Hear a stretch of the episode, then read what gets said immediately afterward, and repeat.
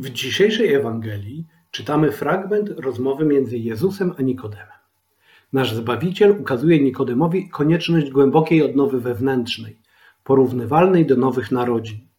Trzeba wam się powtórnie narodzić, mówi. Wiatr wieje tam, gdzie chce i szum jego słyszysz, lecz nie wiesz skąd przychodzi i dokąd podąża. Tak jest z każdym, kto narodził się z ducha.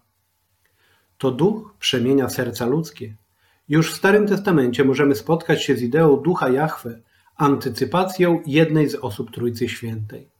Dowiadujemy się od proroków, że duch Pana spocznie na Mesjaszu. Przepowiednie te wypełniły się w pełni w Chrystusie.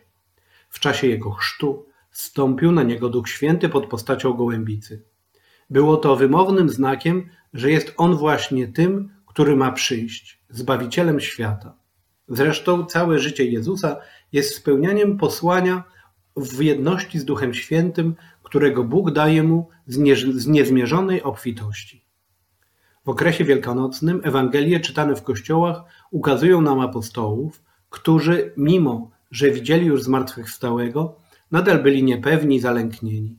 Dopiero zesłanie Ducha Świętego pod postacią ognia w dniu pięćdziesiątnicy napełniło ich licznymi darami i zmieniło ich postawę na postawę dojrzałych świadków Chrystusa, zdolnych zarówno do głoszenia Ewangelii, jak i umacniania kościołów.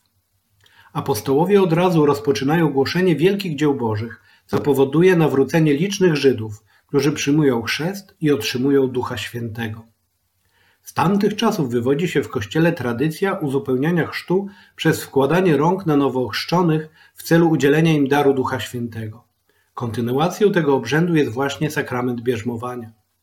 Sakrament ten powinien mieć wielkie znaczenie w naszym życiu, przynosząc bowiem wzrost i pogłębienie łaski chrzcielnej, jest sakramentem dojrzałości chrześcijańskiej.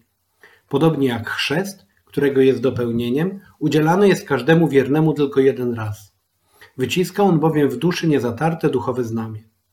Wśród skutków bierzmowania katechizm Kościoła katolickiego wymienia zakorzenienia nas w głębiej w Bożym synostwie, tak że możemy mówić Abba Ojcze.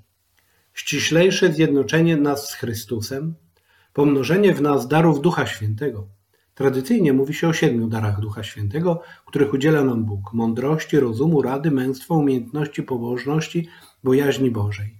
Udoskonalenie naszej więzi z Kościołem, udzielenie nam jako prawdziwym świadkom Chrystusa specjalnej mocy Ducha Świętego do szerzenia i obrony wiary słowem i czynem, do mężnego wyznawania imienia Chrystusa oraz do tego, by nigdy nie wstydzić się krzyża.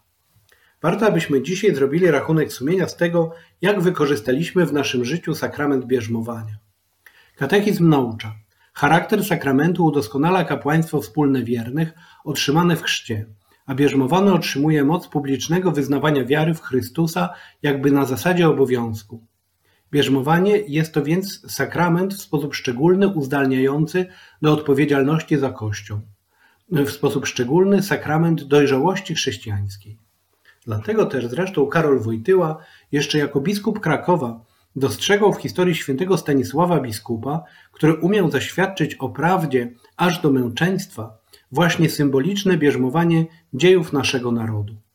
Zmysł chrześcijański ludu Bożego, żyjącego na ziemi polskiej, Widzi w jego postaci jakby historyczne świadectwo dojrzałości, pisał, które dla rozwoju wiary jednostek i społeczeństw niesie właśnie sakrament bierzmowania. Ale warto, abyśmy się zapytali, czy odpowiedzieliśmy właśnie na tę niezwykłą łaskę Ducha Świętego. Czy w naszym życiu ten sakrament miał tak wielki wpływ jak zesłanie Ducha Świętego w życiu apostołów? Czy uczynił nas świadkami Chrystusa? Czy staliśmy się chrześcijanami odpowiedzialnymi za Kościół, za ojczyznę, za rodzinę? Czy może pozostaliśmy ospali jak wcześniej? Jeśli odkrywamy, że brak nam wewnętrznego żaru i zapału, to może warto, abyśmy modlili się więcej do Ducha Świętego, aby przybył i odnowił w nas te charyzmaty, jakie otrzymaliśmy przy bierzmowaniu. Podobnie jak Jan Paweł II, który od swego ojca nauczył się żarliwej modlitwy do Ducha Świętego, a później przez całe życie do Ducha Świętego się uciekał. Bardzo możliwe, że podobnie jak Nikodem, na nauczanie Jezusa o działaniu Ducha Świętego w sercu wierzącego mamy, znając naszą słabość, ochotę zapytać, jakżeż to się może stać? Nikodem miał świadomość, że uległość Duchowi Świętemu jest czymś po ludzku niemożliwym. Ale Jezus nie uznaje tego pytania za do końca usprawiedliwione. Upomina go. Ty jesteś nauczycielem Izraela, a tego nie wiesz?